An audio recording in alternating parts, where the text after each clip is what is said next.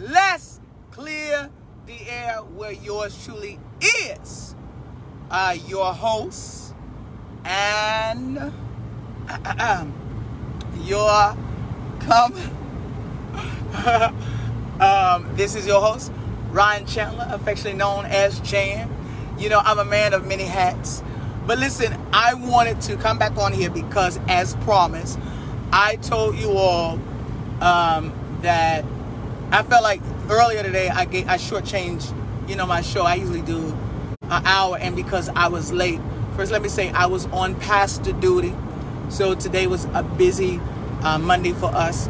I, um, in my in my Christian life, my pastoral life, um, we've um, closed on our new building, so we don't have to worry about no landlords putting us out or don't want to fix nothing. This is our building. It's our building uh, that we have, and pictures are coming soon and things of that sort. So we have a couple of things uh, that's going to be in play uh, that we are doing, and so I'm forever grateful to God. Now, listen, I know some of you all may be asleep, or they'll catch it on the replay. Um, Shay, I ain't eating no more. So I had Bible study. and so now I'm ready to get right into this, having this dialogue. And um, my God, before I got off of the show earlier today, um, I felt ready to go to a whole nother, a whole nother level because I'm gonna be honest, you know, I get tired of hearing people, um, you know, you know, come against the church or come against the pastors. All pastors are not, you know, crooked, and all people, everybody that's in the church, uh, are not, you know, uh, crooked. You have some people that are, you know, really sincere. And, and let me say this to, um, you know, to know me is to love me, and um, I personally, I love God with all my heart, and uh, I'm I've made mistakes.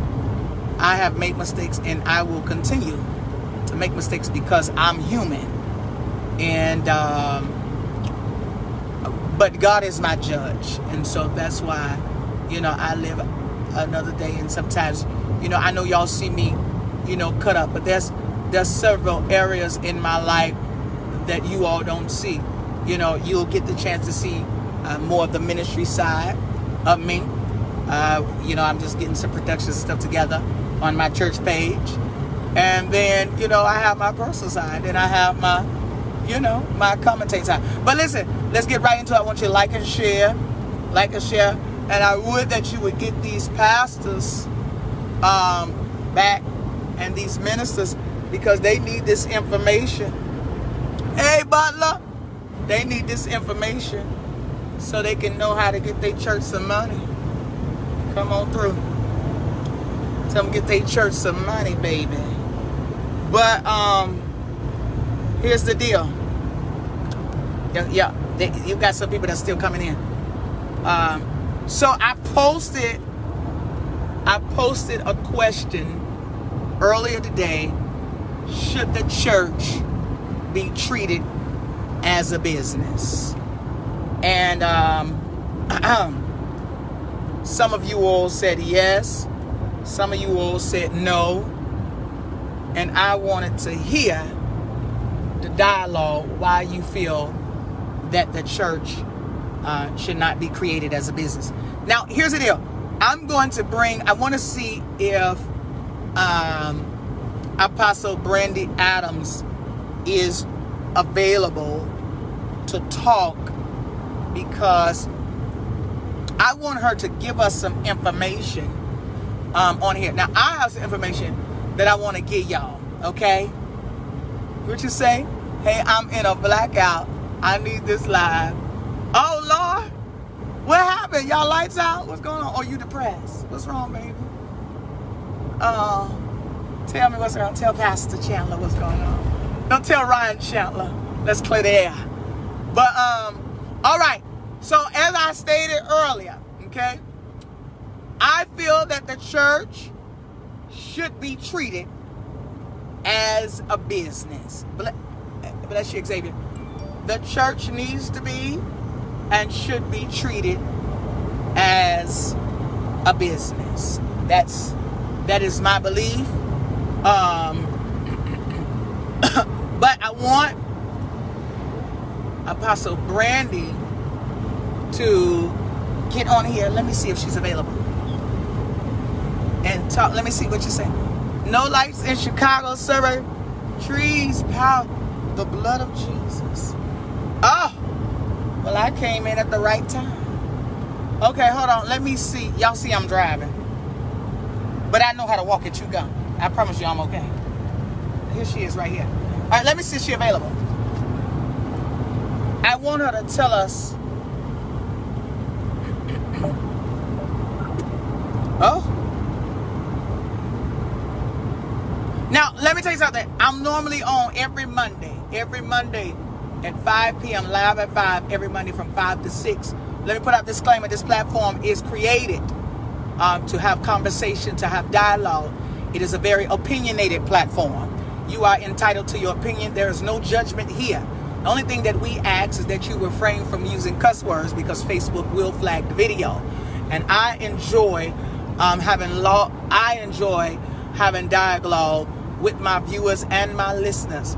And like I said, this is a no judgment zone platform. You are entitled to agree to disagree. Uh, this platform is never intended to attack anybody. Um, intentionally. It's never to uh, a particular business, a particular uh, race, particular sexuality. It's never. Only time you may see me break that rule is if I have to deal with an immediate situation. And so we thank the Lord. I know this past weekend, we're going to forget those things which are behind and reach forth. Hello, Lady Tillis. We're going to reach forth towards that which is ahead. Huh? All right. Let me pull over so I can do this. Amen. Praise the Lord. All right. So let's have conversation. Let's get on right into this. A lot of times, um, okay. So should the church be treated as a business? I said yes. It needs to be treated as a business. It should be looked on as a business. I believe that a, a, a church it should have structure. It should have order. But a lot of times, what's going on, these pastors, your paperwork is not in order. You ministers, your paperwork is not in order. And I came on Let's Clear the Air to help you out so that you won't get shut down or so that I won't call on you and report you for operating a business out of order with no credentials. Come on here. Now, let me tell you something. Let me tell you something. First, I told y'all earlier, for those that did not watch, go watch the replay on the earlier show. I kicked it off. I gave you some information. I'm going to finish that. Number one, before you start a business, or let's uh, since this is church month, we talk about all we have a religious conversation for the whole month of August. Before you start a ministry, before you start a church, make sure that that name is available in your state so that you can use it. You cannot have two of the same businesses. Now, you may say, oh, yes, you can. Let me give you clarity. You cannot have the same business and incorporate your business. Sure, you can have a DBA, and a DBA is a fictitious name. You're doing business as, which simply means that you are the sole proprietor. The sole proprietor means that you are responsible for the finances and anything that happens to your company. So if I sue you, I'm coming after you and your business. All right. Now you have LLC you have incorporations and things of that nature. Now, if you put your your your business or your church in an LLC, you won't be able to take advantage of the tax advantages or be able to be exempt from tax status. Now, let me say this. When you apply for your nonprofit, okay, when you find out that that name is available for you to use in your state, then you can fill out your corporation papers. It's everywhere, everywhere you all. You all know that I lived in Texas. I'm originally from Chicago, but I lived in Texas 12 years, and now I'm in Carolina. Now, here's the deal. I know in Texas you can Google the Secretary of State. You can Google that everywhere you go, wherever state that you're in. Google the Secretary of State. Okay, I'm trying to help y'all. I played the song. Google the Secretary of State now, and um, you can apply online for a nonprofit. Okay, I said earlier you cannot own a nonprofit, but you can be the director of a nonprofit. Nonprofit usually, uh, actually, if you want to have members of your board or you're not going to have any members, you know, you go through all of that criteria. Now, let me help y'all out with something. Now, if you're going to set up your nonprofit or set up your church, after you get through incorporate well before before you find out that the name is available i want you to go to the irs.gov and get you an ein number. What i say? Apply for your ein number. Now all of this stuff is free. Now if you want to be lazy then you call me and i'll take care of all of it for a small fee. All right. Now go to the irs.gov apply for that business in your uh, apply for that business fill out the information. Uh, as once again, you you you place how you want that business to be structured. Okay. Now listen, when you place that business, it's going to ask you, give different categories. Do you want this to be a church? There's going to be all the rest of stuff. So now you got that, and they will assign you an EIN number. A lot of you churches are running around here. A lot of you pastors, I ain't trying to come against y'all, but y'all sitting here on Facebook, you living, and your stuff your business, your paperwork is raggedy. What you say? You're raggedy, huh? You're raggedy. And let me tell you something. If you are a church, especially a, you are an operating church 14 to 15 years, you need to make sure your stuff is in order.